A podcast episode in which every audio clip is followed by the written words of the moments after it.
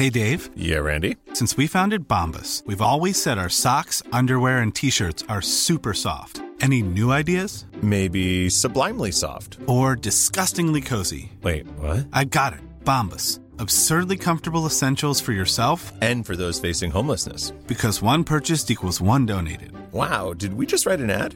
Yes. Bombas. Big comfort for everyone. Go to bombas.com slash ACAST and use code ACAST for 20% off your first purchase. I'm Sandra, and I'm just the professional your small business was looking for. But you didn't hire me because you didn't use LinkedIn jobs. LinkedIn has professionals you can't find anywhere else, including those who aren't actively looking for a new job but might be open to the perfect role, like me.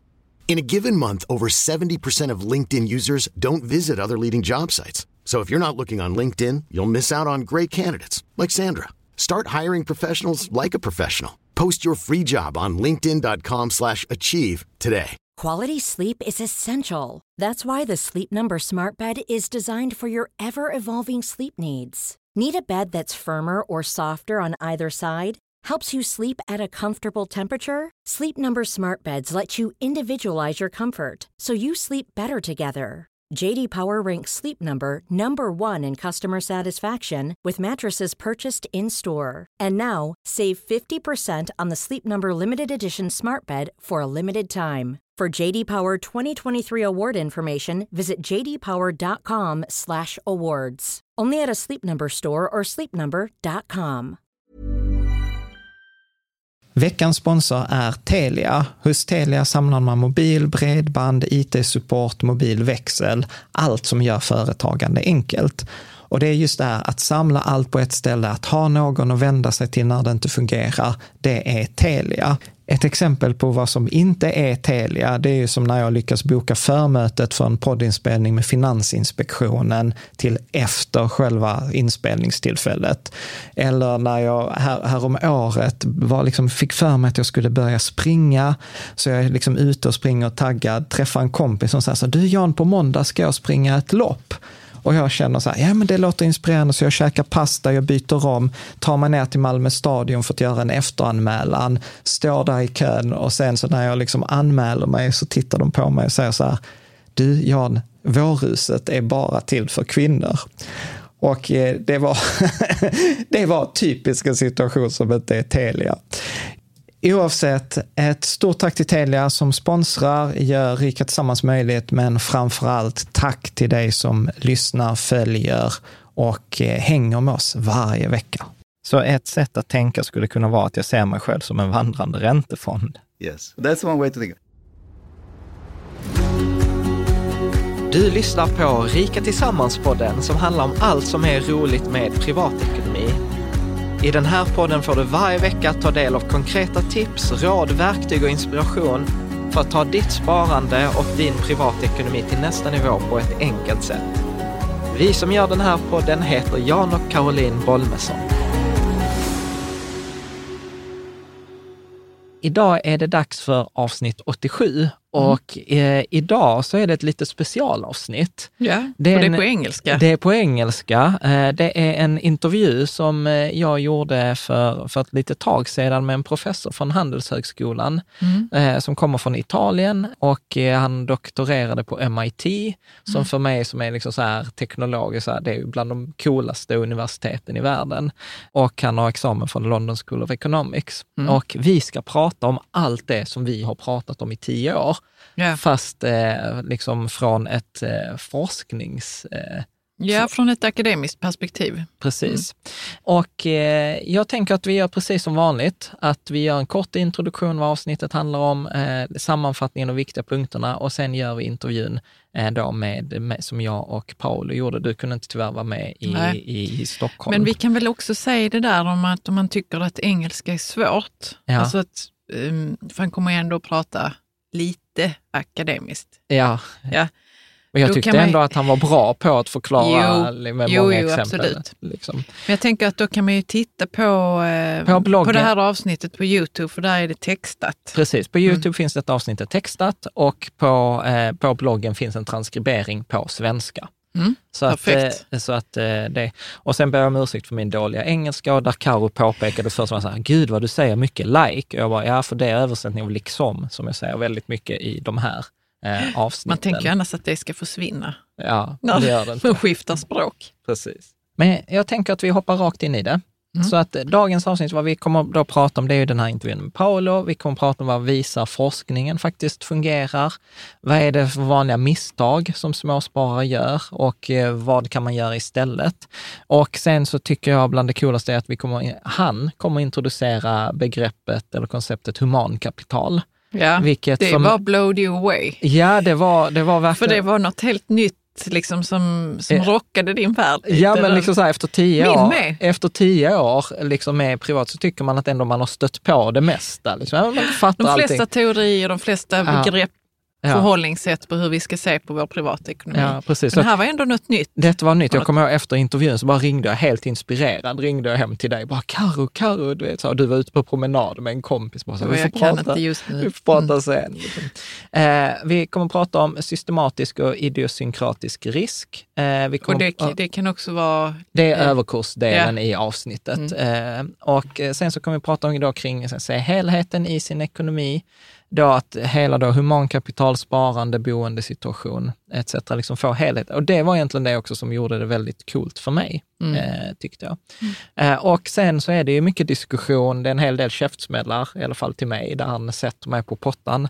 Vilket också var ganska roligt, så här, alltså när man har en professor som sitter mitt emot en och ställer en fråga, då blev, alltså jag fick så här tunghäfta och blev lite nervös och sådant. Men, men, det, gick ju, men det gick ju bra. Jag svarade, jag svarade inte helt fel. Och eh, sen så kommer vi också prata om, han har ett jättekult resonemang kring just det här risk genom livet. Eh, hur man kan resonera där eh, jag bara konstaterade efter den här intervjun att ja, jag har fel. liksom, eller inte jag har inte fel. helt igenom fel, Nej. men att du kan justera eh, din risk. Precis. Och det är vår risk som vi har lite grann. Precis. Men vi pratar om det innan du gör det. Ja, ja, ja precis. Eh, och sen så pratar vi mycket om, han har ett jättekul resonemang kring rörlig ränta och fast ränta, till exempel på bolån och kopplar det till inflation. Alltså så vad han gjorde Det känns liksom, ändå viktigt för var och en som lyssnar på det här. ja, att lyssna eh, på just om man har resonemanget. lån eller tänker ta lån. Precis, och jag tyckte det var så himla kul hur han kopplade ihop alltihop. Mm. Eh, liksom till en helhet. Och jag var så här, nej men jag har inte riktigt tänkt på sambandet mellan rörlig ränta och inflation och min löneutveckling. Men han Nej, bara, han nej. bara, liksom bara slog ihop det och bara, ja, så kan man också tänka om man är smart. Eh, ja, det, var, det var så himla. Så Jag, jag blev så inspirerad. Jag är fortfarande inspirerad. Mm. Och ja, precis detta överkurs, det sa vi innan, systematisk idiosynkratisk risk. Eh, ja, och sen precis som vanligt som vi har börjat få göra nu i poddavsnitten, liksom så här villkor och ansvarsbegränsning, att eh, det är viktigt att säga att detta är inte finansiell rådgivning som vi gör, utan detta är liksom en allmän information. Och ska du fatta liksom ekonomiska beslut, prata med en eh, finansiell rådgivare. Vi rekommenderar ju de oberoende rådgivarna, där liksom tumregeln är så här, betalar du i procent så spring därifrån, utan du ska betala per timme. Eh, Ja. Liksom. Och mycket av det här som vi pratar om här är tolkningar, det är förenklingar. Eh, för han Paul också var lite så här orolig, alltså nu kommer vi göra det liksom förenklat. Och, Jo, men det är alltid så när man kommer direkt från forskningsfältet man är akademiker. Mm. Alltså man gör inte förenklingar för sina kollegor. Nej, utan då ska det vara för källorna. och, ja, och, och, det ska jag, vara precis ja, och jag så var, som det är. Och, och ändå kan man inte vara säker på Ja. det man säger. Nej, Då precis. är man en bra forskare. Så att jag, jag var ju till honom och sa alltså, det är mer på liksom så illustrerad vetenskap än det är nature vi ska prata om. Han, Ja. var, han var lite orolig. Så jag vill verkligen säga alla misstag är mina och, tolkningar är mina och liksom så här, se studierna eh, liksom om, om du vill ha liksom exakt vad som står. Så att vi friskriver honom eh, från grejen, Mm. tänker jag. Och eh, vill man läsa mer om detta så rikatillsammans.se villkor. Bra, så nu Bra. kommer vår jurist vara jättenöjd. Så att nu går vi vidare. Mm. Eh, och jag tänker att vi också, alltså detta känns ju lite trist i detta avsnitt att göra sammanfattningen, för det känns ju som att man snor några poängerna som han kommer göra i avsnittet. Men jag tycker ändå det är viktigt för... Men en sammanfattning som att ta med dig, det här kan det- vara bra det- att ta med sig. Ja, och liksom. detta är de viktigaste punkterna. Och jag Mm. tror så här, hör, man detta är som en abstract. Eh, så att också de som bara lyssnar de första tio Så du minuterna. svänger dig så med akademiska uttryck nu för tiden. Abstract är liksom en akademisk sammanfattning av Ja. en stor studie man har gjort. Ja, Mm. precis. Det är typ det enda man läser. Nej, så, jag gillar ju Ja, att läsa det hela... var st- ett tag det enda jag Ja. läste. Men Ja. nu hoppar vi in så här, sammanfattningen och, och de viktiga punkterna i dagens avsnitt. Så om vi tittar på det, vad visar forskningen? Och det, alltså jag måste säga så, nu blir det så här sidospår. Alltså jag var ju lite rädd för den här intervjun i förväg, för jag vet att akademiker kan vara lite torra och vet, i, i min mörka stund så funderar jag till och med på att avboka intervjun. Men du är så här, tio minuter in i intervjun så bara säger han bara så här, allt det som vi har försökt säga i tio år. Så bara liksom sammanför- elegant på sätt. ett elegant sätt. Och jag bara så här, yes, yes, yes, liksom så här. Eh, alltså det var fantastiskt. Men han, han pratar, eh, i avsnittet pratar vi om billiga indexfonder. Eh, vi pratar om vikten av att ha marknadsviktade portföljer, det vill säga så här, välj hela världen, inte ha liksom eh, 50 procent av portföljen i Sverige, för Sverige står för bara 1 procent av det globala börsvärdet. Eh, vi pratar om vikten av tillgångsfördelning eh, då mellan räntefonder och aktiefonder i sin portfölj. Vi pratar om vikten av den årliga ombalanseringen. Eh, vi pratar om att inte försöka förutsäga marknadens rörelser. Han till och med drar det så långt att han är så här att varför ska jag välja en fondförvaltare som bara introducerar mer risk och väldigt lite extra värde? Eh, Så att liksom allt det där, jag tror du kommer känna igen supermycket och jag hoppas verkligen att du ser det som jag, bara så här, istället, "Eh, men det är ju inget nytt, så istället bara så här, gud, vet, här kommer någon från akademin och säger exakt samma saker som till exempel jag har sagt och som vi har gjort till exempel nu i den förra veckans artikel kring eh, de bästa fondrobotarna, liksom att det går i linje. Det är liksom Ja. inget det som... kan vara ganska skönt när man sätter sina pengar på spel. Ja, precis. Mm. precis. Och eh, ja, precis att, att han till och med säger vid något tillfälle att studierna visar att det är väldigt få fondförvaltare som bidrar med något värde. Eh, och, och, och om man då pratar om fondförvaltare, hur är då de med våra småsparare? Liksom, så att, eh, ja. Sen var också rätt mycket, där han satte mig på pottan, lite kring hur mycket historik man behöver och vad historik säger. Historik. Ja, men till exempel många ta, pratar om så här, ja men du vet denna fonden har fem års Ja, historik. ja. Du Mm. vet, och han säger så här, 15 års historik säger ingenting, i princip. För, det, för framtiden. Ja, Mm. eller liksom, Nej. och man kan inte ens urskilja bakåt i tiden. Var det så att för förvaltaren var skicklig eller hade han bara tur? Nej. Eh, och, och sen pratar han liksom så här, du vet, jag har ändå varit ganska nöjd med att vi har så här hund, eh, eh, historik från 1870. Där han är bara så här, ja du vet, fast säga någonting med, jag tror det var 98 procent säkerhet, behöver 3000 års historik. Och jag var bara så, eh, va? så att, ja men det var, det var coolt. Eh, vi pratar också om det, ju fortare man inser att man är medelmåttig, desto bättre. Eh, Desto mer pengar tjänar desto man. mer pe- pengar Mm. kommer man eh, tjäna. Och eh, sen också det här just att ta hänsyn till hela ekonomin, humankapitalet, alltså det vill säga värdet av ens utbildning, värdet av ett jobb, värdet av ens färdigheter.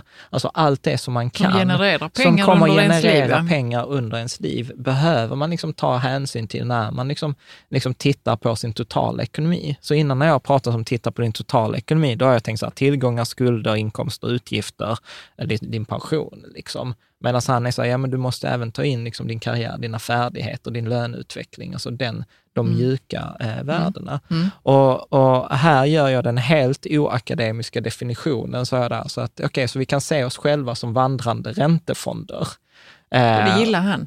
Jag vet inte, han protesterade inte. Nej, okej. Det var inte hans förslag, men jag gillade med Jag bara sa, plötsligt bara, ah, men gud, jag är en 30, 37-årig räntefond eh, som vandrar Och omkring. du har en, en duration. Precis, och jag Ja. har liksom ett antal, och, och om jag är en 37-årig räntefond så har jag ju 30 år till som jag är liksom låg risk, vilket betyder att för att ha en rimlig risk i helheten, ja då måste jag ta mycket högre risk i mitt sparande. Mm. Liksom för att kompensera denna stora vandrande räntefonden. Mm. Alltså pratar vi mycket om varför det funkar med, med sitt boende och sådant, att det är därför vi kan belåna vårt boende och låna liksom så här, eh, sätta in då till exempel eh, en miljon och låna eh, fyra miljoner eh, Mm. för att köpa ett hus. Det just för att man är den här vandrande Banken ser den så. Ja. Mm. Vi pratar mycket om det här med upplägget som är jättebra med Sjunde AP-fonden. Han är också så här, det, det Sjunde AP-fonden har gjort det briljant eh, med just att de tar högre risk. Han ogillade min tumregel. Jag brukar ju ha en tumregel som är så här att du ska ha lika mycket procent i räntefonder som du är år gammal i din totala ekonomi. Mm. Och då var han så Ja, här, den känns kanske lite klumpig ändå på något vis. nej, eller alltså så. jag har tyckt att den var bra. Han var så här, ja, jag kan köpa den efter 50. Ja, okej. Liksom, Inte innan, fem, innan 50, då är det för defensivt. Så är du innan 50 så måste du ta en högre, inte måste, så bör man ta en högre risk. Ja. Så det pratar vi om. Eh, han också så här, rörlig ränta, säger han så här, rörlig ränta kan man se som ett skydd mot inflation, vilket jag aldrig har tänkt. Ja, vi så- kan kanske förklara det lite närmare. Ja, jag tänkte precis säga det också. Mm. Och, och så säger han så här, fast ränta är ett skydd mot arbetslöshet. Mm. Så han säger liksom så här, inflation är ju detta att pengarna minskar i värde För varje år. för varje år. Och eh, den rörliga räntan rör sig i takt med inflationen. Och en följd av detta för mig blir så här, men gud, om inflationen är 2 procent, jag betalar 1,2 procent. Det betyder, I ränta för mitt lån. Ja, så Mm. betyder det de facto att om jag tar hänsyn till värdeminskningen på pengar, så blir det ju nästan som att jag inte betalar någonting Mm. för mitt lån, för att lånet minskar, liksom urholkas Men i är det inte så att man ändå betalar något? Jo, det är klart du betalar pengarna, men om du, tittar, Men om skulle- men om du tar hänsyn till värdeminskningen på, på pengar så, så sjunker värdet på lånet man märker snabbare. ju inte det samtidigt. Jag, jag fattar resonemanget. Ja. Jag bara tycker att man inte märker det. ja, men jag, jag fattar, det är ju därför, man, Ja. eftersom man inte märker det så har vi inte tagit, tagit upp det. Nej, Liksom, och jag har inte heller tänkt på det. nej. Eh, Mm. Så att, nej, men jag tyckte det var skitkult. Så detta är några av huvudpunkterna att lyssna efter. Sen, Det är det, mycket, mer. sen är det mycket, mycket mer eh, där vi pratar. Roliga grejer. ja. Så att jag tänker att eh, vi kör igång Ja. intervjun. Mm.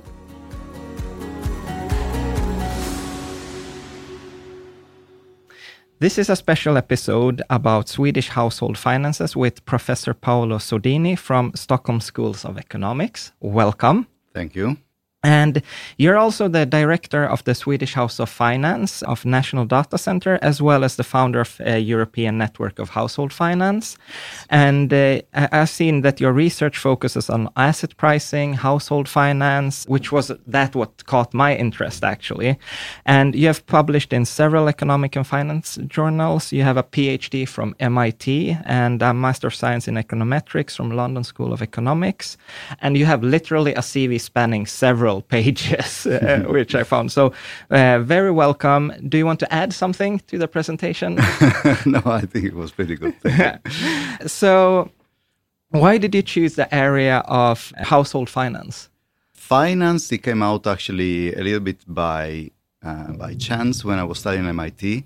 Yeah. I, I started actually very interested in theoretical microeconomics. Yeah. One of the theories that I really uh, was fascinated by is general equilibrium. Yeah. And then financial markets are one of the kind of more, most interesting application of general equilibrium theory. Could you say something about that? Uh, it's a it's a theory that studies like the equilibrium across all markets Mm. at the same time, and uh, financial markets are are a simple example uh, compared to other type of markets that we have in the economy of uh, where you can apply general equilibrium theory. Uh, so I started to study finance, and then I wrote actually a paper for my thesis that studied how participation in pharma- financial markets would evolve as new uh, financial products are introduced. Okay. and this paper was a theoretical paper. And uh, the it was kind of we were asked to find some empirical evidence for some of the findings that we had in the theory. And that's how i actually uh, kind of found the, the the very unique and interesting data on wealth that you have here in sweden and that's how i got into household finance Ah, okay. and from there on actually i stopped doing theory and Yeah. uh, i started to do more empirical work what was the most interesting thing, like with the house, household uh, finance or the wealth? I think at that time, what is was very interesting is that we didn't know so many things about household behavior or individual behavior in financial markets. And one of the uh, issues was actually there wasn't good data about it. And instead, in Sweden, uh, because you used to have the wealth tax, uh, you used to collect data on how people used financial products, uh, mutual funds, stocks, uh, how much do they have in the bank account, how much risk they take in their portfolio, and so on and so forth, coupled with the um, information of on people demographics, income, schooling, and so on and so forth. Uh, and so finally, uh, we could actually ask some of the questions uh, on how people behave that uh, uh, that we kind of that you find in theoretical models, but we didn't know whether they corresponded to reality. Ah, okay. And uh, and the Swedish dataset was very detailed, and uh, it was also very comprehensive. Uh, containing so actually we're able to to. It's a little bit like. Uh, I used to say it's for for financial economics, it was almost like to put a Hubble telescope in her orbit. so finally, we could see things. Okay, and Swedes were the perfect example. yeah, I mean, hopefully they're representative of the world population because we are learning a lot uh, Yeah. from that data set, actually. Yeah. So mm, that what- was the most fascinating thing Yeah. uh, for me. Is like finally be able to answer some of these questions. Yeah. So, what did you find with this Hubble telescope? So many things, actually. Yeah, okay, cool. uh, I think the uh, the most surprising fact for me it was that the more like kind of rational theories of uh, uh, human behavior in financial markets were actually providing good guidance Okay. in understanding how people behave. And there was a period where there was a little bit of a revolution in financial economics, uh, where behavioral theories was, were taking um, a, lot of, uh, were getting uh, a lot of credit and a lot of importance, which I think was very good. It is very good still, but um, Is it like, like that with Daniel Kahneman and yes, Amos exactly, Tversky? exactly, and- yeah. exactly. So, for example, now you could start uh, checking whether uh, you know prospect theories or those the type of preferences they talk about, uh, they actually bear some some evidence in the data, okay, or it was other type of preferences or behaviors that that uh, we see in in the microdata. So it was extremely interesting to see actually that uh, more rational theories had more bearings than I thought. Okay. Doesn't mean that uh, people are perfectly rational. Far from it, I would say. Okay. But uh, uh, they are still, I think, uh, mm, uh, they are a good benchmark to think about people behavior. One finding that came out of all these uh, papers or, or research that I've been doing in the last 15, 20 years is the is that more sophisticated people uh, more educated people, richer people, uh, people with more experience in financial markets, they tend to behave closer to the optimal behavior you have in rational uh, in rational theories. Okay, because normally I've seen like I don't know if they're uh, like science-based studies, but you normally say that, for instance, engineers like I am or doctors that they're they are mostly like worst in, for instance, stock investing uh, because uh, that they have this behavioral biases. You need to be good in, in your job and be like certain of things, but that Yes. doesn't really translate into or the things that are successful in your normal job doesn't uh, translate to success in the stock market. Yes. Okay. So it depends what you mean by success. Yeah. So what one thing that we have observed in one of the first studies we did is uh, that it's true that people, and especially uh, more educated people, tend to have individual stock holdings, Yeah. direct stock holdings. Uh, but you also see that coupled with another behavior, which is that typically on the side they have a, a mutual fund Yeah. uh, and possibly a good mutual fund. And if they don't, it's not that they pour money into those two, three stocks that they have. Okay. So they represent uh, not a huge fraction of their wealth. No, okay.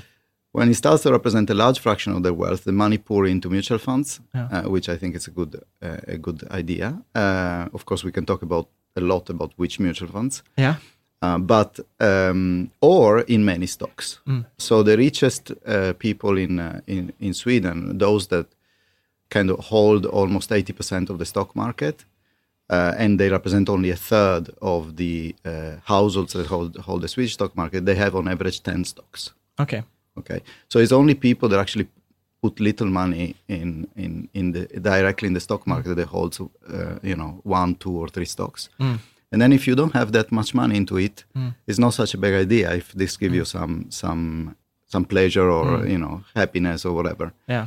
As long as it is really not going to ruin if those stocks are No. gonna are going to do badly. Yeah. So it's uh, that was one of the things. So there is this kind of relationship between how much risk you take and how who, good is the portfolio where you put your money when you take risk.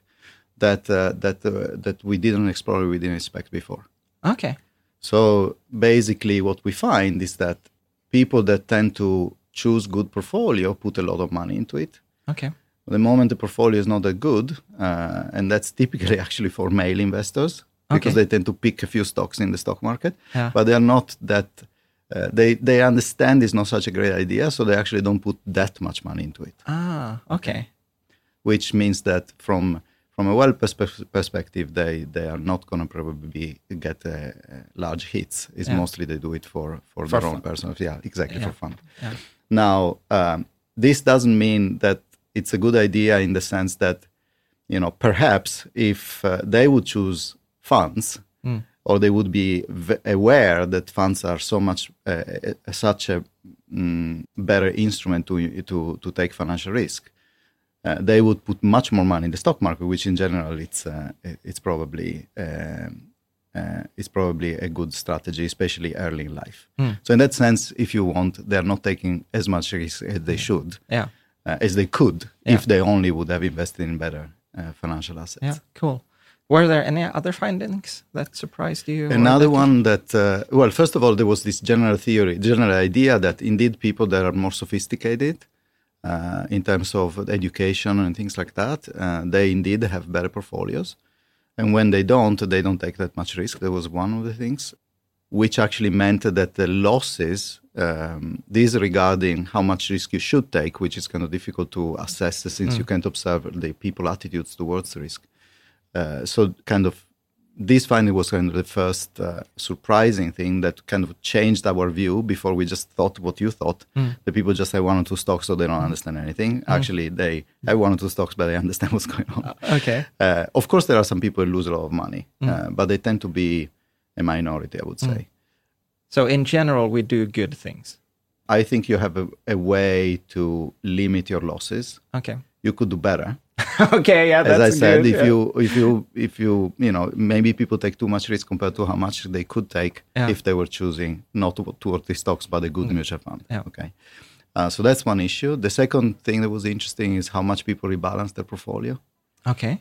So, um, as you know, one of the um, big mistakes that people make is trying to outguess whether the market is high or low. Mm. That's extremely difficult to do. I don't know anyone who's successful uh, in doing it.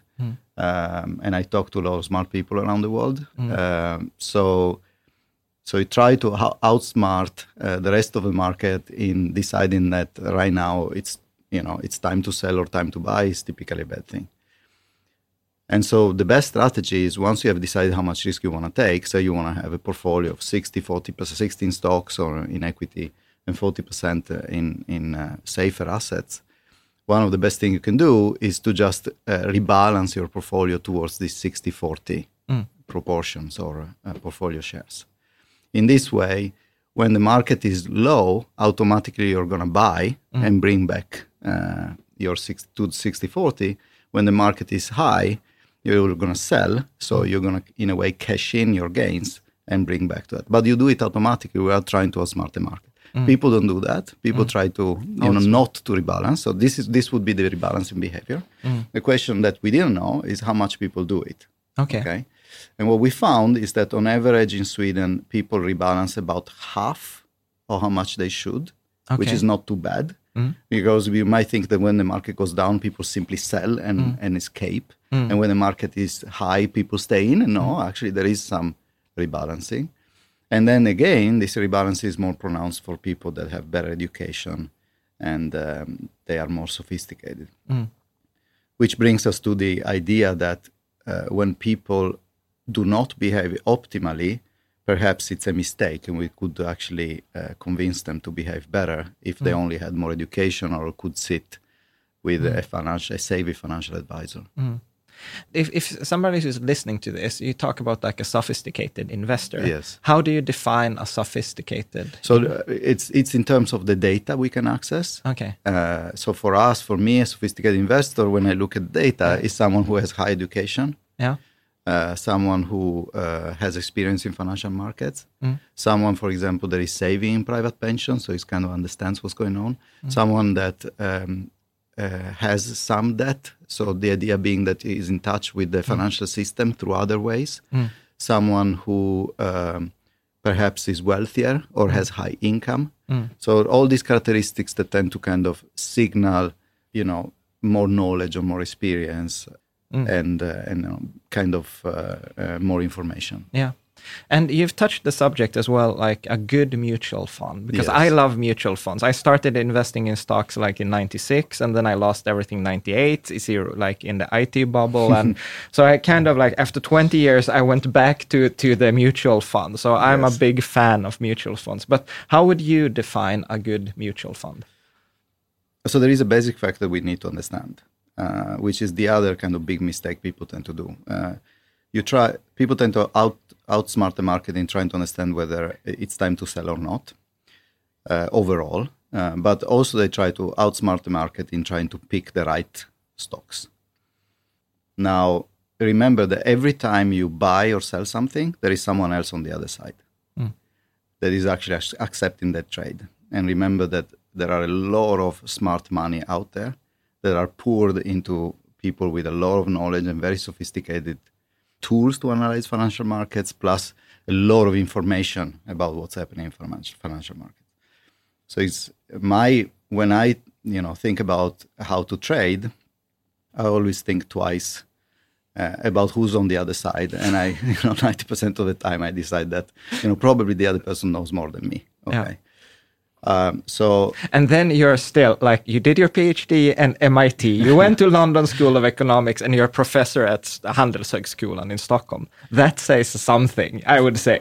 so it's very difficult to pick these stocks, and Yeah. so that's true not also also not only for the average investor, Yeah. but also for mutual fund managers.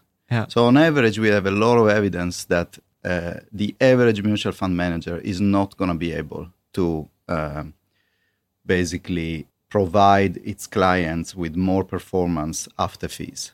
Okay, and so then the then one should think. I personally, I think in the following way: if I have to invest in a mutual fund, I already taken a lot of risk by investing in financial markets. Uh, so why should I add the risk of getting a bad manager? Okay. And who am I in understanding who's a good manager, who's a bad manager? Unfortunately, it's extremely difficult to value performance. Um, 15 years of good performance are actually, unfortunately, telling me, telling us very little about someone is truly skilled. Uh, we can talk about that uh, if you want. Um, so Yes, this please. means that I like index funds yeah. uh, very well diversified index funds. And this means that I want to pay as little fee as possible. Uh, so um, I have two reasons not to choose active fund management. Uh, one is that I don't want to take the risk of a bad manager, and two is that I don't want to pay the fee for it, especially if there is this risk. Uh, and so, for me, a good mutual fund is a very well diversified uh, global index fund that is very cheap. You said that, that even 15 years of uh, historical performance doesn't say very much. how much would you expect to earn on the stock market compared to bond markets on average? On average, well, I, I would say th- maybe 3% annually. That's uh, on the low side. Okay. Okay. Some people say it's more six percent. Okay. Some people say it's more four and a half percent. yeah, five uh, percent. because because my if my default answer like I even got like a nervous like when you asked me, but uh, because I would say like bonds three and a half percent annually and stocks seven eight percent on top of bonds. That's the question. yeah, but yeah, so on top of bonds four percent. Four five percent. Yeah. Okay.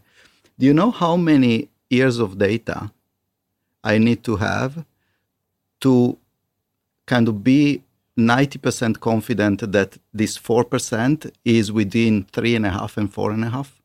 No, 3,000 years. three thousand years. Yes. Wow. So Okay. it, there is so much volatility in Yeah. the stock market. that It's extremely difficult to pin down what is Yeah. this average.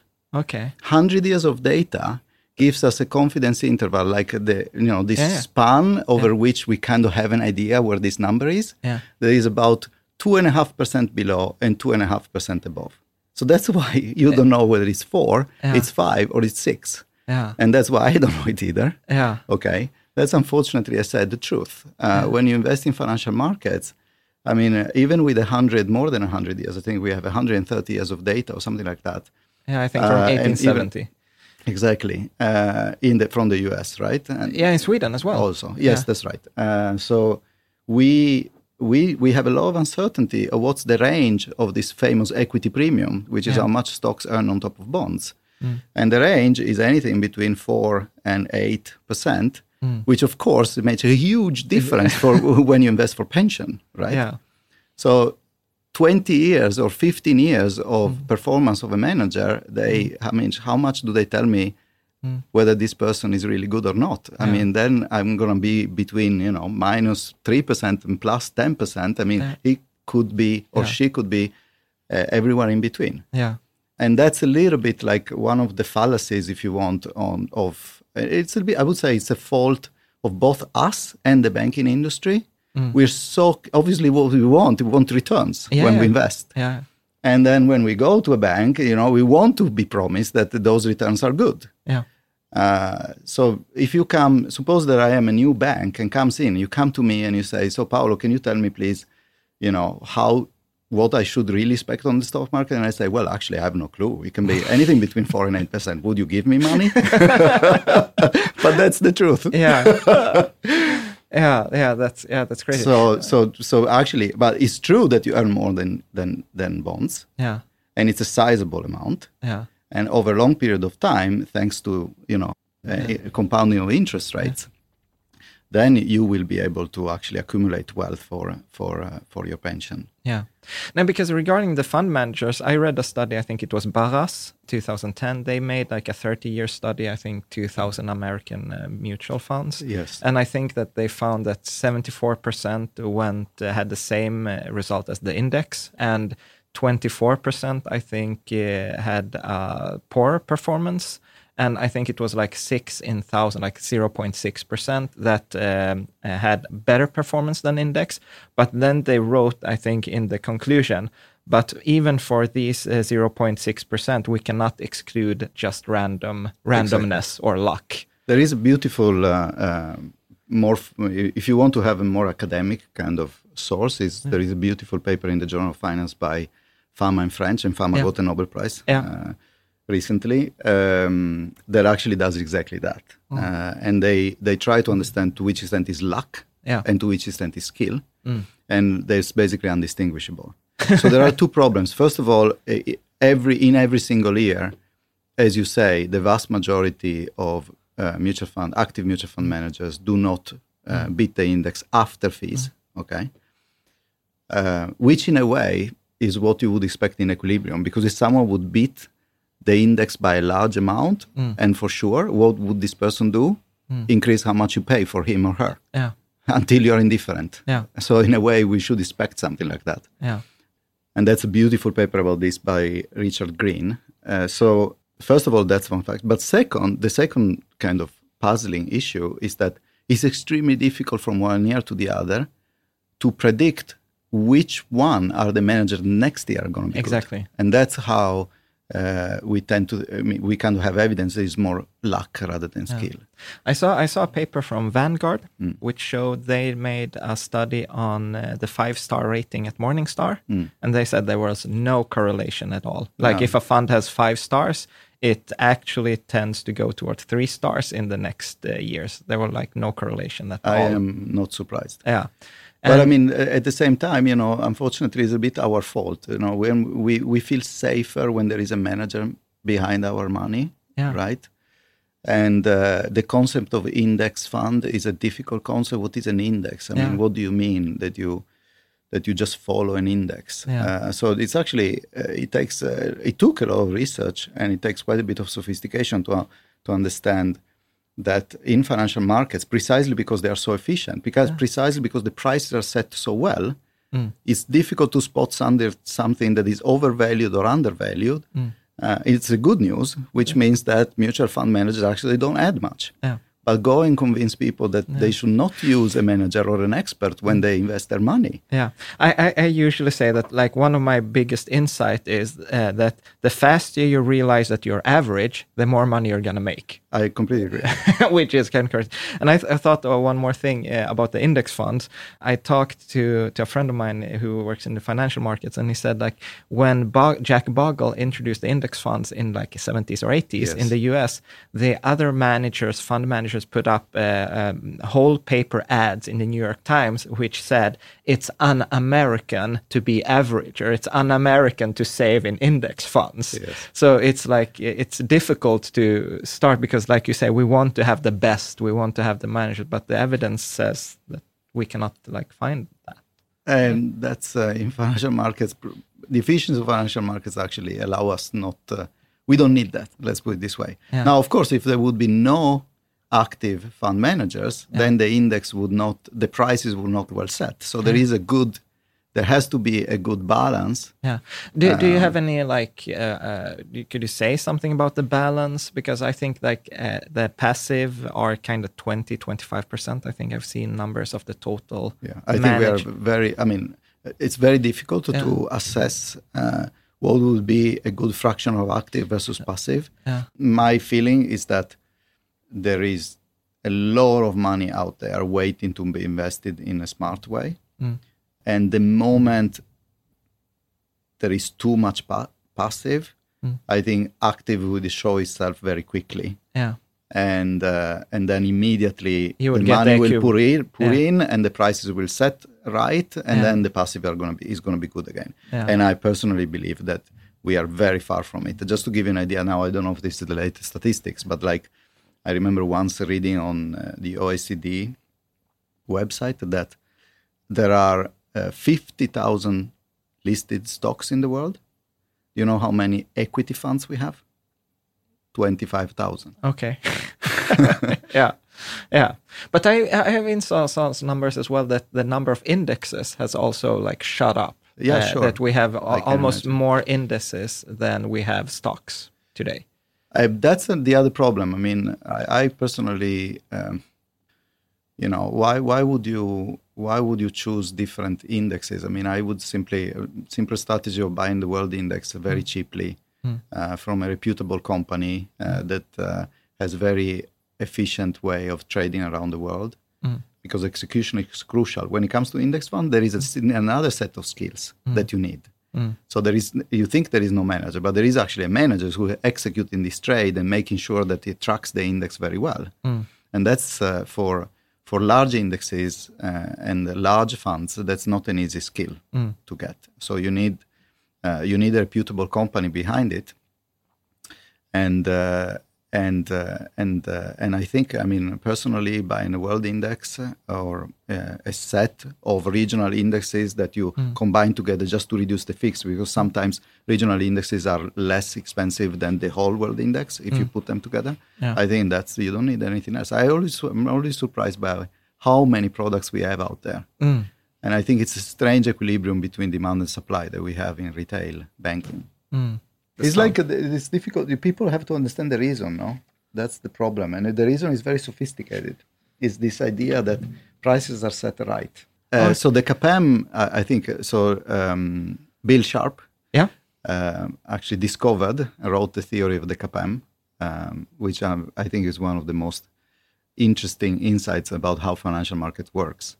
Sorry, what is it? Like I The. CAPM is a way, it's one model, or the I would say the foundation of many uh, models, but I think it's the first one where we try to explain uh, the cross section of expected return. So, in other words, why certain stocks earn higher returns than others. And the insight of the CAPM is that um, stocks earn some stocks earn more uh, returns than others because they co-move more with the market. Okay. So, in other words, they uh, bear higher what we call systematic risk. One of the deepest uh, concept of Sharpe's theory is the distinction between systematic and idiosyncratic risk. Systematic risk is a risk that you can't get rid of, which are the fluctuation in our economy. We are all exposed to that. I mean, we have to live with it. There is nothing we can do about it. Yeah. You can't diversify it away. Okay. Idiosyncratic risk is the risk that is specific to an individual stock. By buying many stocks, you can diversify idiosyncratic risk away. And Is, the- sorry, is that that you normally talk about? You need to own ten or twelve stocks to, That's uh, the to idea. I that, mean, yeah. one one thing about it is like suppose that you uh, you you think oil company are very good, and then you buy some stocks of oil companies. Mm. Okay, Now the sto- the oil price goes down, this oil company starts having problem. Okay, Uh, so you're exposed to the idiosyncratic risk of oil price shocks by Yeah. buying oil companies. However, at the same time, you could buy airline companies. When the price of, of oil goes down, airline companies do, do very well because it's very cheap to fly their planes. So they behave in the opposite way Yeah. of oil companies. So each individually, the oil companies and the airline companies, they have their own idiosyncratic risk. It just happens this idiosyncratic risk move in the opposite direction. If you combine them together, you get rid of the idiosyncratic risk and you maintain the same return. So you reduce the risk but maintain the same expected return, okay, mm. or similar one.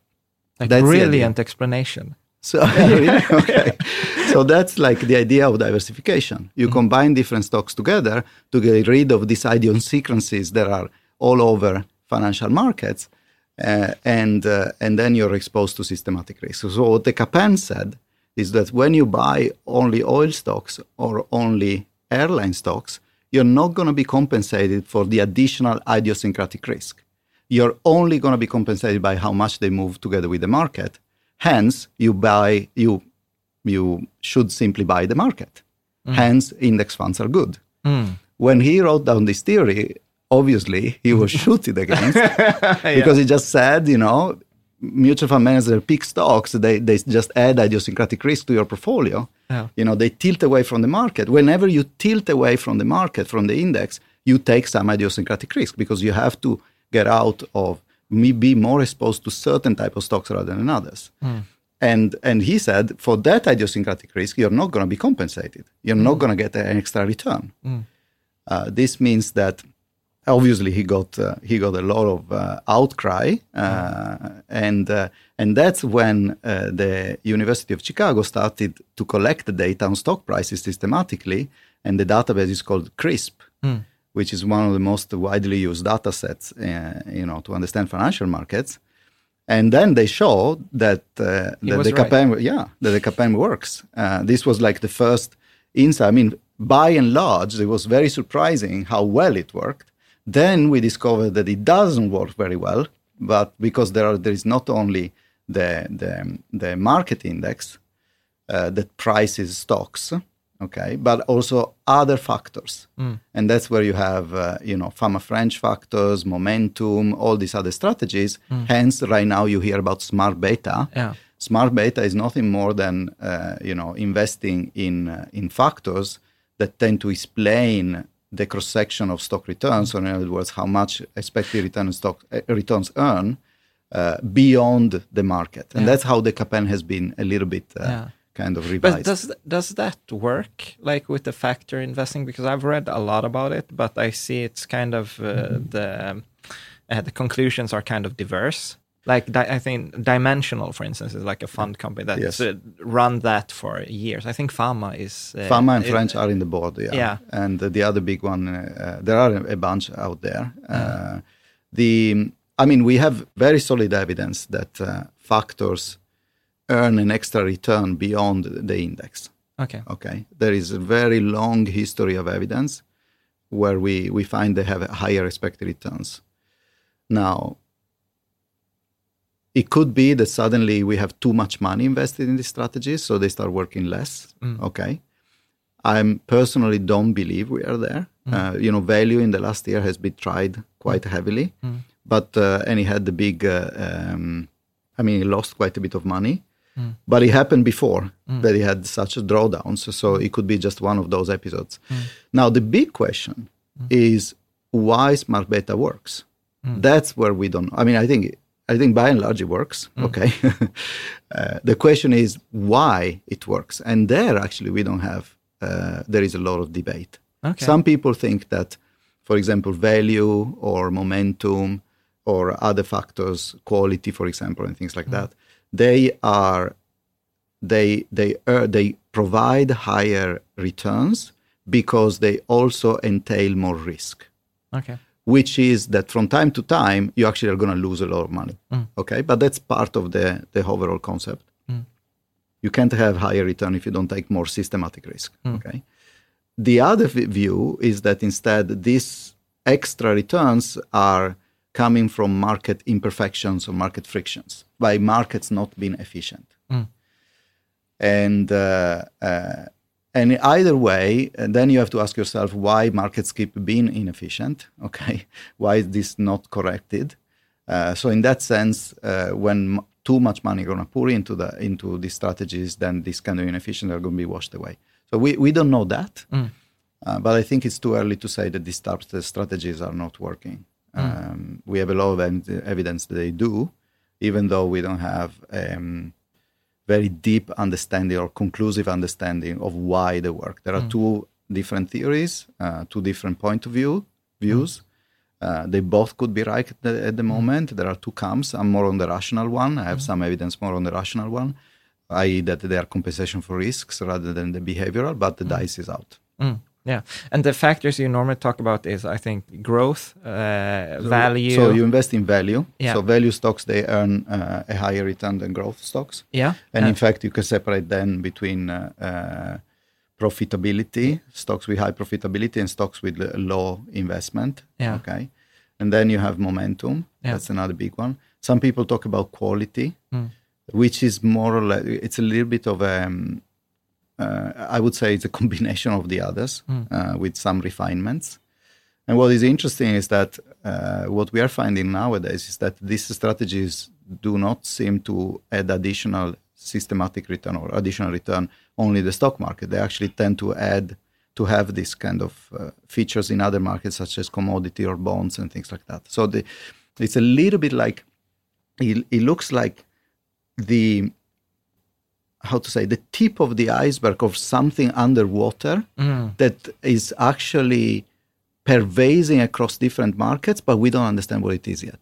ah, cool. It's a little bit going beyond the CAPM. The CAPM, the only factor was the market. We are fi- finding there are others. We don't understand exactly where they're coming from, but it seems they are there across a lot of markets. And I think uh, you know one exciting area of research is trying to see what's really under the water. You know. Oh, yeah. Yeah, interesting. It's also nice to hear that the, even through the, like 2019 that we're not done. There are still things to research. Yeah, definitely. Many. Yeah. Many. Uh, just like a, a question about momentum, could you explain momentum? So you you so there is there is a lot of evidence that stocks that have been doing well recently they tend to do well in the medium run. Now I don't remember, I'm not an expert on this, but like I think you take uh, you sort the stocks that have been doing. You take all stocks in the market. You s you take those that have been doing well in the last year, and then uh, you hold them for something like about six months or something like that. Yeah. And uh, and uh, and then you sell them and you buy the new stocks that have been Yeah. doing well and so forth. I don't know if it, there are various windows you can do this. Yeah. It's something the order of six months, one year or something. If you go too long, you don't earn anymore. If you go too short, you don't earn anymore. Yeah. Something like that. Uh, and uh, and and then if you take this strategy, you tend to do well. Yeah. Now, this strategy entails a lot of buying and selling. Yeah. So after trading costs Hmm. is not an easy strategy to implement. Yeah.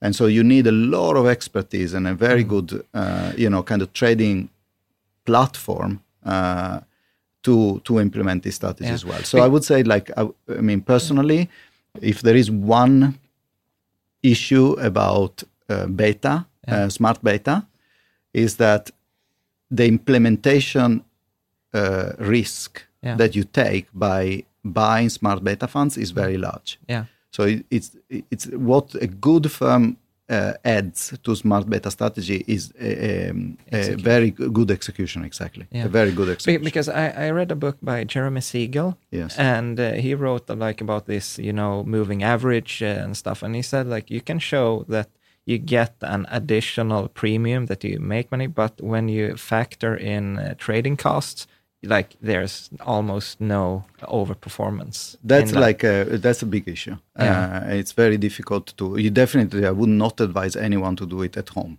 yeah, because the trading. I mean, the trading costs that individual investors have are, are Are you- staggering compared to what uh, uh, you know a large uh, hedge fund or a large financial institution can can Mm. can access to. Yeah. Cool. If we would just uh, take it just a quick recap, uh, rebalancing what would be your advice? Like, uh, what? So to decide how much risk you want to take. Yeah. Uh, So which fraction of the portfolio you want to put in stocks versus safer Mm. uh, asset, your uh, your bank account or or bonds, and then over time, you know, once per year, maybe twice per year, but I think once per year is enough. When you see deviations from these proportions, 60 40 or whatever you decided, then rebalance your portfolio towards that. In this way, automatically, you're going to buy when the market is cheap Mm. and you're going to sell when the market is uh, expensive. So you're going to cash in on your gains. Mm. And, uh, and over time, this is the best way to, uh, to earn the risk premium. Uh, so the, the, the returns the market actually provide. Yeah. And uh, so that's so th- when we think about now, one question is like how much, how to uh, should choose 60 40. Exactly. So then I think there are two issues here. First of all, everyone, each of us is different. Yeah. Some people want to take more risk, some people want to take less risk, and that's individually. Uh, you have to decide that a little bit for yourself, what you're comfortable with. One good way to think about it is like, okay, if things, it's like how how much liquidity needs I have. So unexpected expenses, the car breaks, you know, um, you know, my child does something uh, and I have to pay for it, things like that. All these kind of, or like a problem with the house, Yeah. things like that. So unexpected expensive. So I want to make sure I'm safe on that. Okay. Or another one is standards of living. I have this amount of consumption every month and I don't want to go below that. Okay, I have this many trips I want to take. I have the boat to maintain, uh, and so on and so forth. I want to go to the restaurants. So do those calculations. Feel uh, what is the standard of living and the level of consumption that you would like to maintain, and then beyond that, things how to invest your money. Okay, and how much What, what, what would take. you say, like a rule of thumb? But that's okay. So let me come just one second. So Yeah. that's what the first Yeah. step. Yeah. Okay. Uh, then you then you ask how much risk. Then individually you have to decide yourself on the rest of the money how much you want to to to take risk or not. And then there are other things that are very important. If you are at the beginning of your working life, you have a lot of money you're going to cash in as you work uh, until you retire. And by and large, especially if you have a very good education, um, those money are relatively safe. Then depends in the sector where you are. But say you are a public uh, employee, then I think those stream of money that you're gonna earn by working are relatively safe. In other sector, you're sector you're less safe. As you progress in your career, you will understand what your skills are and uh, you know how safe you, you are on the labor income you're gonna receive. Now, early in life, this labor income is a big asset you're sitting on. Okay, if you think about it, because effectively this is money that is going to come into your uh, your bank account that you're going to be able to consume and save over time. So then, early in life, you can allow yourself to take a lot of risk on the little money that you have accumulated so far, because that's little compared to how much you're going to earn by working the rest of your life. As you get older, uh, then you have accumulated a lot of more wealth in more liquid wealth, but you have less to earn in the future. So you should be more careful how much risk you take on the wealth that you have accumulated, on the money that you have saved.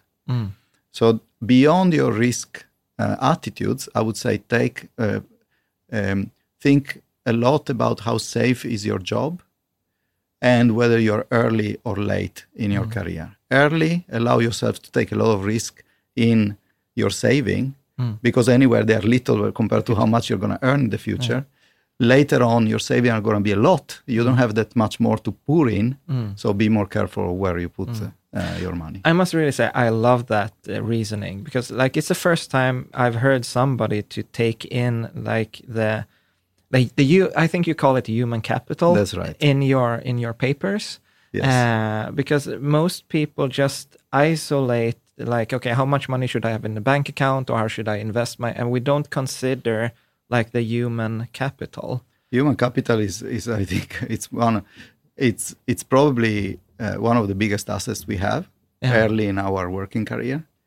Uh, so uh, we have estimated it for Sweden, uh, and I think that um, someone that has finished college, uh, around 25 years old, is sitting on about 9 to 11 million krona in human capital. That's the present value at 25 of how much uh, he or she will uh, earn throughout uh, his or her working life, including you know how much he's going to get from pension, which is effectively saved uh, out of labor income.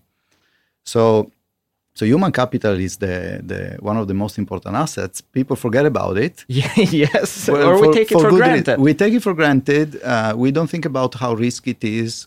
Uh, uh, we, but it's actually it's one of the main drivers of how we should invest on the the rest of the money, which is the liquid wealth, which is the part that we think about. And the reason why we don't think about human capital as being an asset uh, is that um, the because it's intangible. Hmm. Because you cannot trade, since we don't have slavery, thank God. you cannot sell it, yeah. right? Uh, you cannot insure it, hmm. because otherwise people will stop working. yeah. Even though you know there is there is unemployment insurance in Sweden, in other countries, there is a way to hmm. you know kind of put a floor on the human capital you you will have, no matter who you are.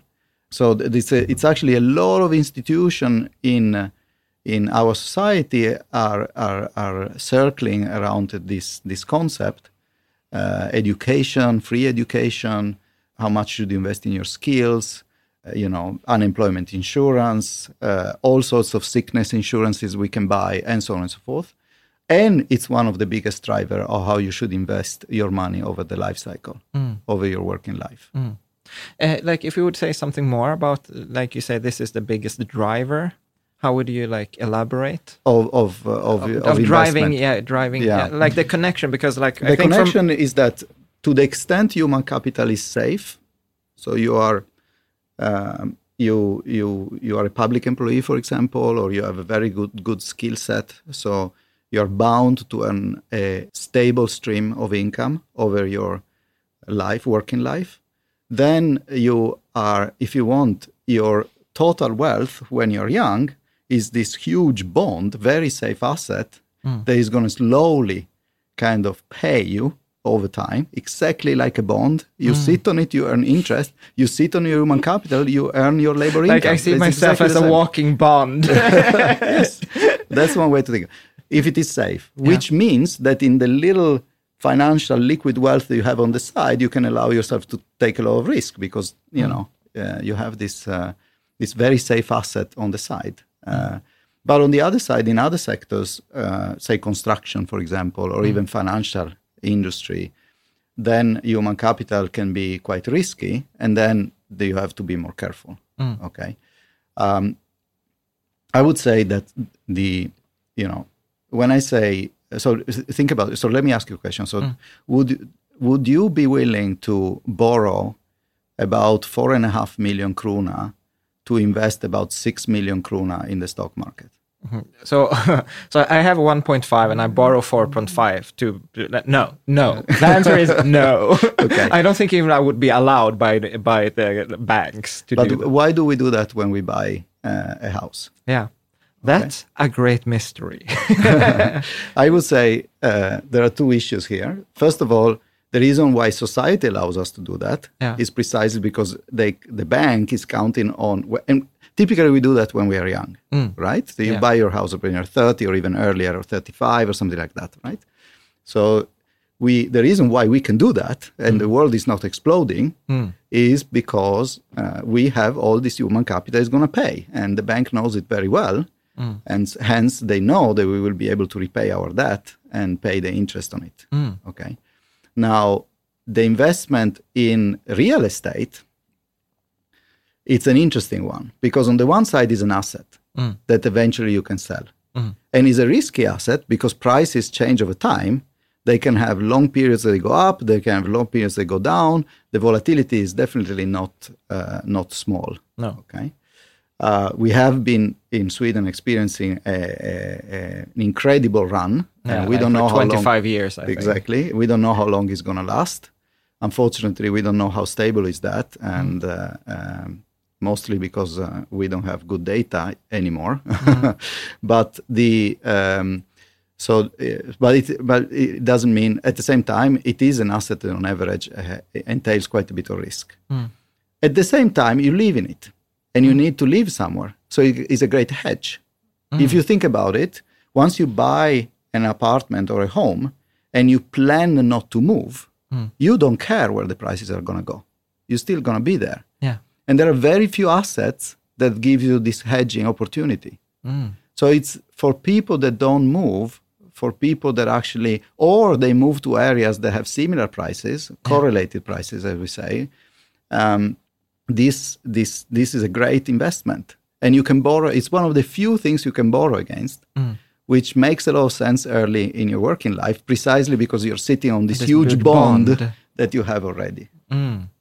Oh, that's that's cool. Like I haven't uh, like I've been doing this for ten years, and I, I haven't thought of it in this way. So it for me, it's like it's cool because it's basically what the bank does. It takes like uh, uh, the the security is this bond, like you you and your career. Yes. Uh, you were also just saying in uh, s- uh, by sentence that uh, we we we don't know if like because we don't have the data.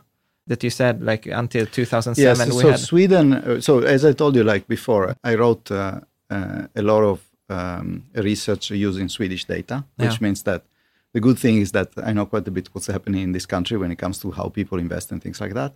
Um, and uh, and it was an amazing experience to be able to to study it. At the same time, uh, unfortunately, in 2007, the data was stopped being collected. Uh, so the, the government abolished the wealth tax, which we can talk forever whether it's a good idea or not, and I don't want to take any any stand on that.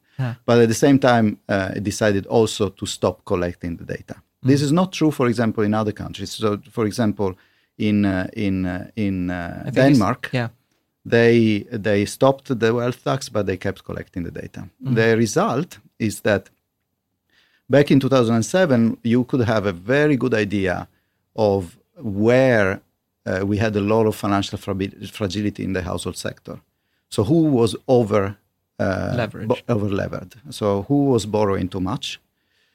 Who was um, who didn't have enough in the sense they didn't have either enough human capital earnings or uh, enough uh, uh, liquid assets to back uh, or even real assets to back the amount of leverage they had. Um, but after that, and right now, we don't have the data anymore, so we actually don't know. Uh, so, are we on the brink of a collapse? And the, the Swedish real estate market is completely overvalued, and people are over levered, and any moment there could be a bang. Or are we relatively safe situation where things are under control, where the law of leverage is in the right pockets of society? I don't think we know and I think it's a it's a huge problem, especially when we are recognizing both at the level of academics and the level of practitioner, at the level of policymakers, and around the world that having micro data, so information at uh, uh, a very detailed level of uh, um, you know of, of individuals is crucial to regulate how our economies work. Uh, they are not necessarily working well without regulation and without data. You're just you're, you're guessing. just guessing, Yeah. right? Which I think is a little bit what's going on. So, so if we would just go go back to uh, the, is there like a rule of thumb how you can think like in different phases of your life about uh, like compared to the human capital and how you should invest? Early in life, you should. Uh, so first of all, you should. If you buy a, a, a real estate uh, home uh, and you lever against it, then you are taking a, a lot of risk. Okay. Um, so uh, so so you should take that into account, and you should be a little bit more conservative on your, on your financial assets. Okay. If you don't have that, then uh, you you can be quite uh, uh, aggressive in your financial assets, provided that you have set aside enough money for contingencies. Yeah. Okay, unexpected expenses or the standard of living you would like to have. Yeah. Um, so enough liquidity. And so early in your life, I mean, really, like just go out there. A little bit like we do uh, when we actually buy a home and we lever up. Okay. in that sense, I, I really uh, um, like the, the way the premium pension system is, uh, is uh, organized, decided that you actually are over levered, Mm. 100 and, uh, not over levered, well, levered up, um, 130%, I think. Uh, something like 25, I think. 125 until you are 55 or something. I think it's a great thing. Yeah. I, I, I Uh, normally say that's like we said earlier, like that's one of the best things we have in Sweden. Absolutely. And and I think for myself as well, like you start there, then you think you can uh, uh, do better, and you start doing your own funds, and then you go back because you, you realize that was the best thing from the Yeah, start. if- so you are first of all you are a little bit your own hedge fund, Yeah. right? I mean, uh, because you you lever up, Yeah. and it costs almost nothing. I think it's like 12 basis points or something like Yeah. that, 15. Or, Yeah, I think it is uh, eleven. Okay, there you go. Yeah. So it's a fantastic deal. You are very diversified and so forth. Mm. In this sense, you should think twice early in life to buy Tradliv. Mm. So Tradliv is typically 60-40 thing. Early life is too conservative. Mm. Okay, you have so many years to go before you arrive to your pension that uh, that is the opposite. Mm. Okay, um, so uh, so so I would say early be aggressive, and then uh, I, you can continue like that. I think until easily 45, 50, and then you start kind of lowering. Then if you're you have accumulated so financial assets that you cannot tolerate that much risk in that portfolio, and so you should start uh, reducing it to a target when you retire of about. Uh, I mean that depends on your risk aversion, really, uh, on your attitudes. But I would say. I don't know, it can be 60% stocks, 40% bonds, or 50 50 or something Mm. like that. Because remember, after you retire, you're not, not going to be disinvesting in one go. You still have another 25 years to go. Mm. So you have time for, you Yeah. know, to wait out and keep reducing this proportion, uh, the proportion invested in stocks. Yeah, cool. So you would, uh, because I, like a general rule of thumb that people normally say when they don't know anything is like you should have uh, as much as um, in uh, in safer assets as you're uh, uh, um, years old. Like so, if I'm Yeah. 37, I would I should have like Yeah. 30, Yeah. 35 percent uh, in in risk, uh, in safer assets. Yeah. Would you say it's like too too moderate, or I should even be more aggressive? Yes, I think it should be. I think it, I like that rule after 50. okay, after, okay, so you do that. rule. I mean, it's like, 50. but even I mean, not even actually. Uh, but it, you have to you have to factor in whether you have a, a levered position in your real estate okay, because you know think That about that it, as yeah. well because th- there you're and whether so that position so you're taking a level risk of, of being levered up so which means interest rate risk on your on your uh, on on your debt Mm. on your mortgage um, and uh, so you have to take it into account and then you have to take into account how likely you are to stay in that particular place Mm. so if you you know you, you're likely to stay there then it's actually safe investment the only reason the only risk you're taking is really the fact you have to pay back your mortgage. So you have to factor it in, in into the unexpected expenses. And here it's important to remember that we are at the level of interest rate that are historically extremely low. So we shouldn't take for granted that uh, it stays low like that going forward. Okay, uh, but uh, but as I said, I would I would rather it would be like a, lot of risk all the way to 50, 55, and then you go down so that when you are at 65, you are 60, 40 or hmm. 50, 50 or 40, 60. Hmm. That is my is not going down from 30, from 25. You start 80, 20, and then you hmm. go down linearly. No, you keep it up And a then- long time, and then you go down Okay. because effectively all the way to 50 you should even be levered if you want Mm. and that's what we do when we buy real estate Yeah.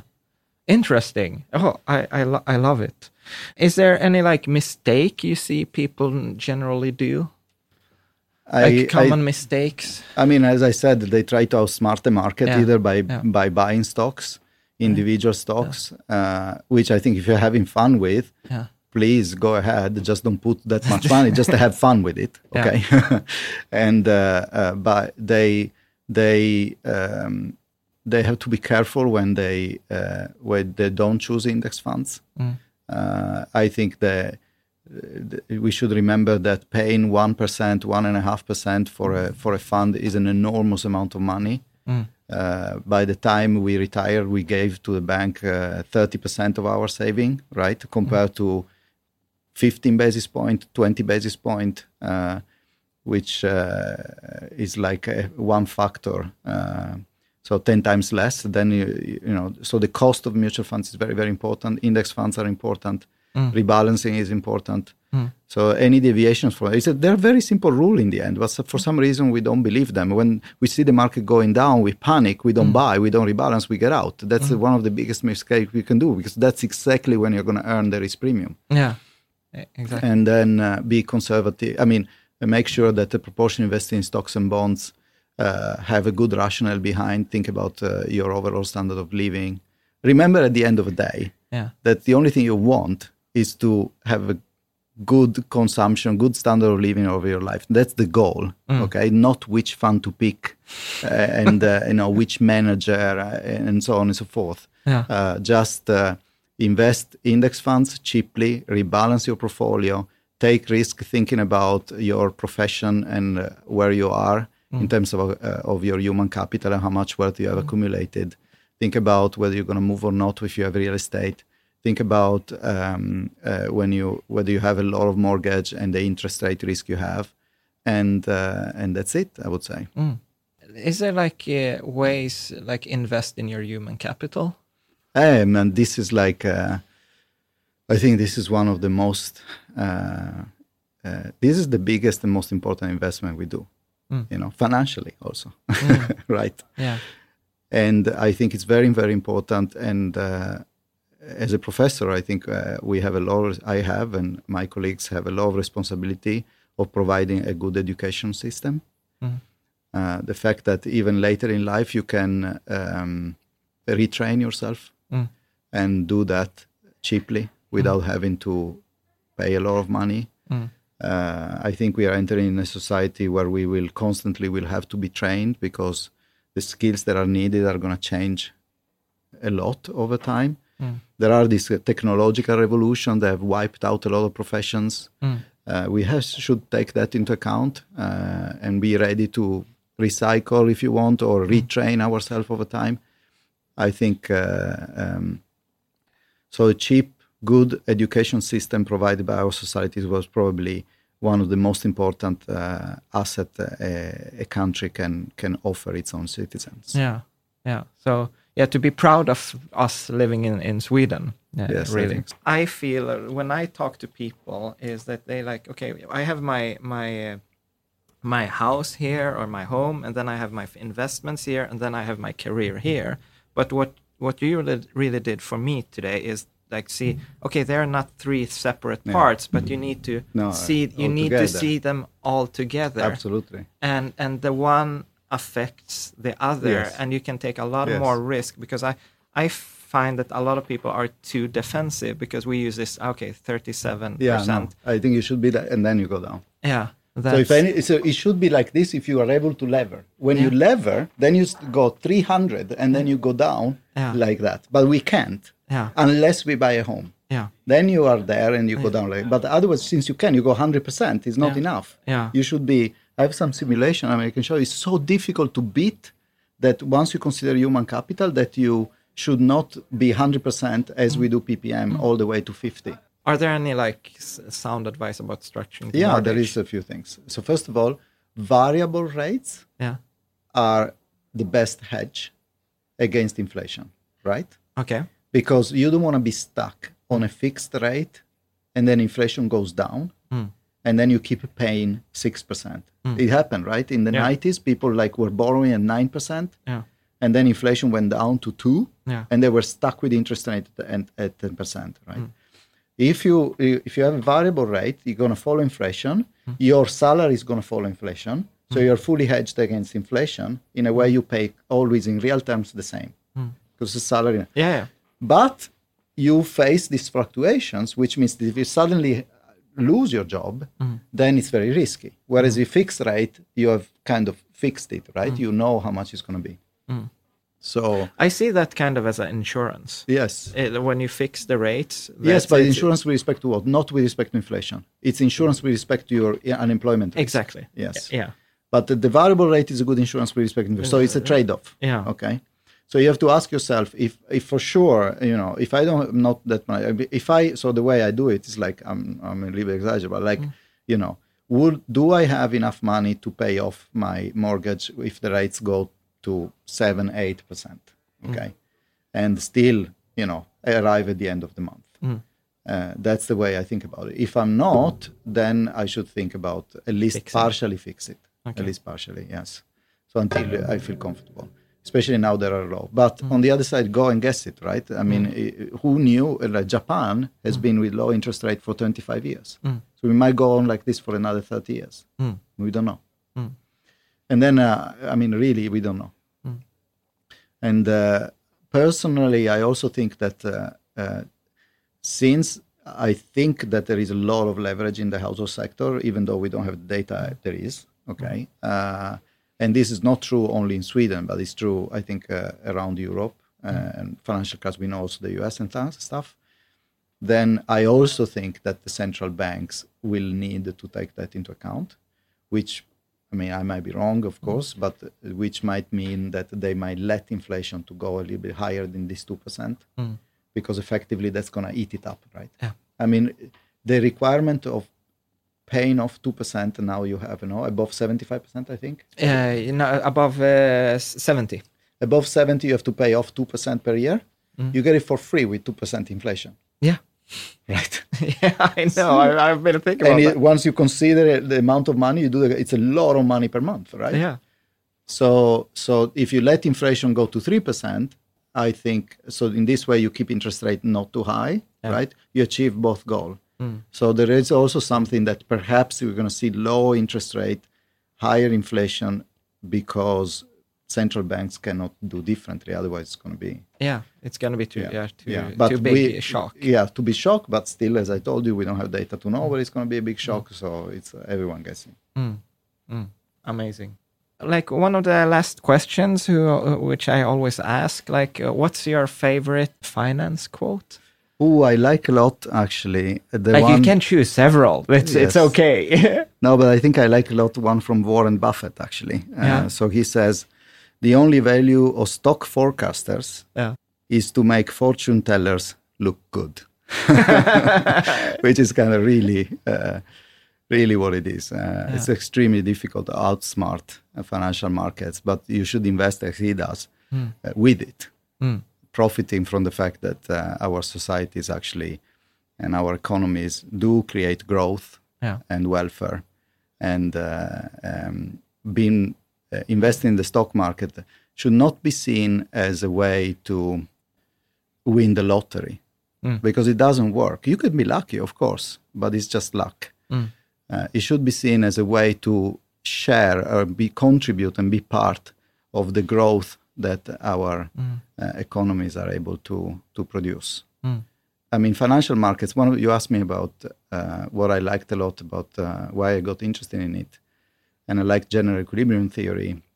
Financial markets is one of the uh, institution uh, that our society have devised to distribute and share risk in the most efficient way. So remember, when you invest in financial markets, you're not trying to make a lot of, I mean, of course, you're going to be rewarded, but mostly you're going to be rewarded because you're contributing in sharing risk uh, that uh, other people are bearing and they're willing to give you part of the, this risk. Uh, you're willing to take part of this risk, they're selling it to you. And of course, in order to do that, they will need to compensate you, and that's why you earn a higher return. But that's how we should think about financial markets: it's risk sharing, not uh, gambling. Yeah, amazing. Like this is gonna be one of my favorite episodes. Like when if people are gonna say like what episode should I listen to? I would like this one.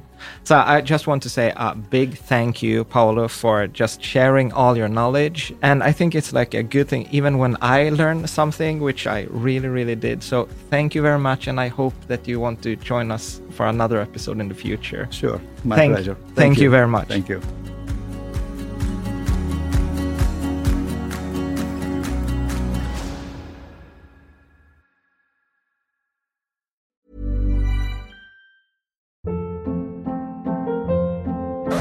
Hold up. What was that? Boring. No flavor. That was as bad as those leftovers you ate all week. Keke Palmer here, and it's time to say hello to something fresh and guilt-free. Hello Fresh. Jazz up dinner with pecan-crusted chicken or garlic butter shrimp scampi. Now that's music to my mouth. Hello Fresh. Let's get this dinner party started. Discover all the delicious possibilities at hellofresh.com.